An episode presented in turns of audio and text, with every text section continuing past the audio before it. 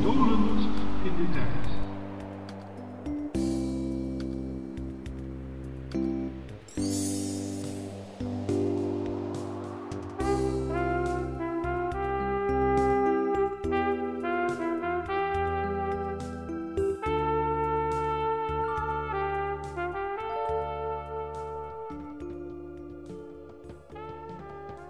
Het is u natuurlijk bekend dat er geen land in de wereld bestaat waar meer wordt gekankerd dan hier bij ons in Nederland.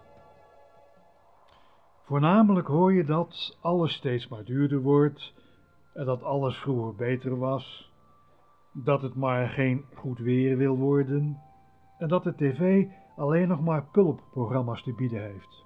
Nou ja, wat dit laatste betreft, dat is natuurlijk waar, want het pijl van de programma's heeft inmiddels zo'n laag karakter bereikt dat zelfs de regering gaat optreden om weer eens waarden en normen in te voeren, omdat de ouders hierin blijkbaar tekortschieten.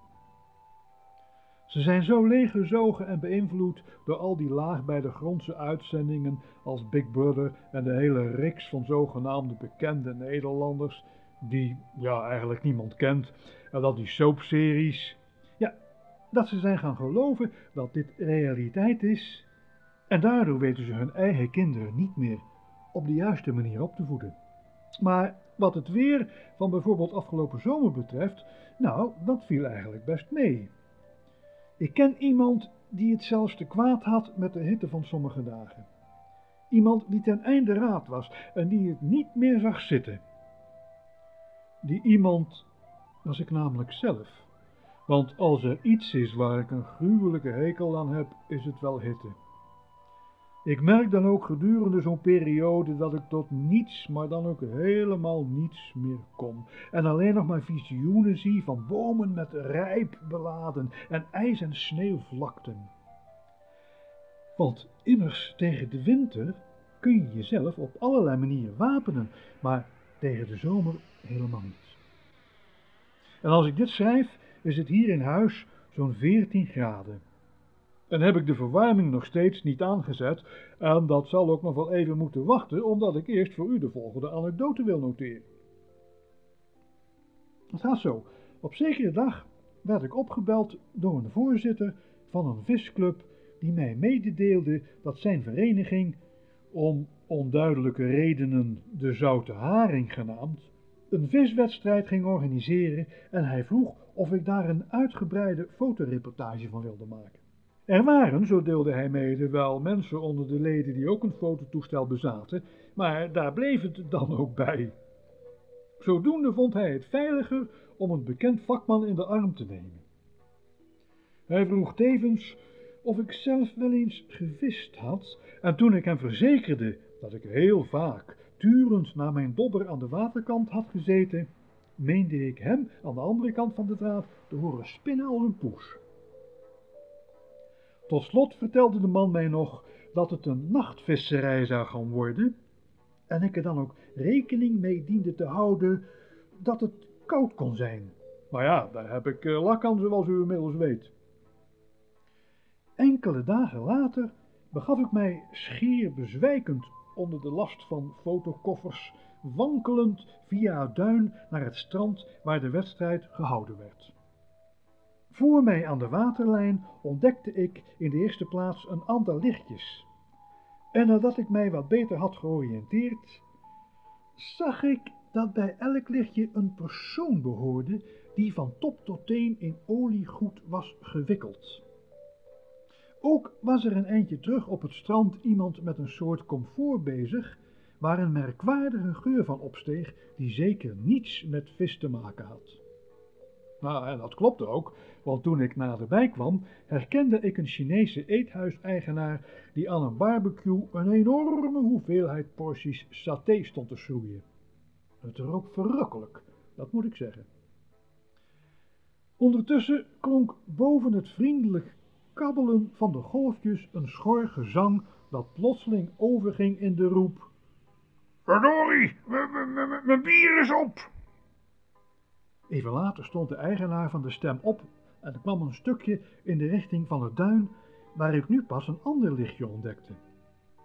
En dat lichtje bescheen een soort van ambulante slijterij, want ik ontwaarde de ene alcoholische versnapering na de andere. De man met een grote dorst passeerde mij rakelings, zonder me ook maar een blik waardig te gunnen, en begaf zich rechtstreeks naar de openluchtgelachkamer waar hij riep, Geef me nog maar tien, Bertus, want ze gaan erin als koek. De aangesprokene achter de geïmproviseerde tapkast bukte zich desgevraagd over een krat en telde keurig een tiental flesjes bier af, die hij in een door de visser daartoe meegebrachte tas deponeerde. Ik was wat voorzichtig naderbij geschuifeld en sprak de visser aan. Goedenavond, ik ben uitgenodigd om hier van de uh, viswedstrijd een reportage te maken. Heeft u enig idee waar ik de voorzitter kan vinden? Ah, was het antwoord. Dat ben ik. Je komt op een goed moment. Want er wordt veel uh, gevangen. Wat zal het zijn? Een pils, een whisky of een jongen? Je zegt het maar, want zo kinderachtig zijn we niet. Het kan verrekte koud zijn, maar dat heb ik je al door de telefoon gezegd. Je neemt maar wat je hebben wilt. Met een brede armzwaai gebaarde hij naar de aanlokkelijkheden op de tapkast. Maar helaas deed hij dit een ietsje te abrupt, zodat hij zijn evenwicht verloor en rechtstreeks over de alcoholhoudende dranken heen viel, een spoor van vernieling achterlatend. Ziezo, sprak Bertus achter de tap.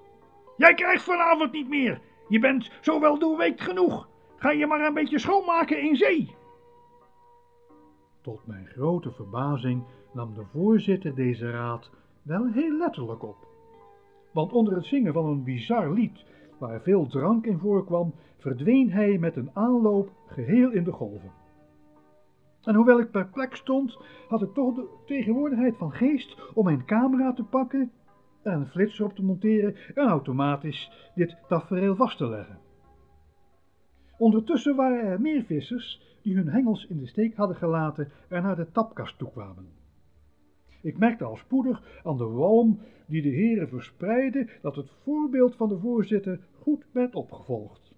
Ja, er hing een sterk gepekelde geur, maar het was stellig niet de pekelgeur die men gewoonlijk op stranden kan waarnemen. Nee, het had een duidelijk hoger percentage. Ja, en nu kan ik nog wel uren doorgaan met mijn verhaal, maar dat zou eentonig worden. Het zijn vermeld dat de vissers heel wat binnenhaalden. Ja, dat wel, maar vissen waren het zeker niet. En zodoende werd de meegebrachte voorraad alcoholische dranken steeds kleiner en kleiner. En toen opeens... Daar, daar, daar, loopt een haas, sliste de voorzitter, die al geruime tijd naast het vuurtje van de Chinese restaurateur zich te goed deed aan lumpia's en porties saté, besprenkeld met afwisselend oude klaren en bokbier. Hij scharrelde uiterst moeizaam overeind en verdween op een wankel drafje in het duister. Eén uur, twee uur bleef hij weg. Drie uur later was hij er nog niet en de overige vissers gingen haast onnuchterd één voor één naar huis. Ze zouden nog wel horen waar hun voorzitter zo opeens gebleven was. Ja, inderdaad, ze zouden er nog van horen, maar dan via zijn vrouw, die jaren na deze gebeurtenis nog op elke verjaardag of andere feestelijke bijeenkomst van de visclub moet vertellen van het wonder, het wereldwonder mag je wel zeggen. Want zeg nou zelf, wat voor gezicht moet je nu trekken als je s'morgens opstaat, de trap afloopt en beneden aan die trap luid snurkend je echtgenoot aantreft. Je echtgenoot die de vorige avond met zijn kornuiten is gaan vissen en hier nu ligt in zijn gele oliegoed met in zijn ene hand zijn vishengel en in zijn andere hand een levensgrote haas. Nou? Johan Sinke, dolend in de tijd. Tot de volgende keer.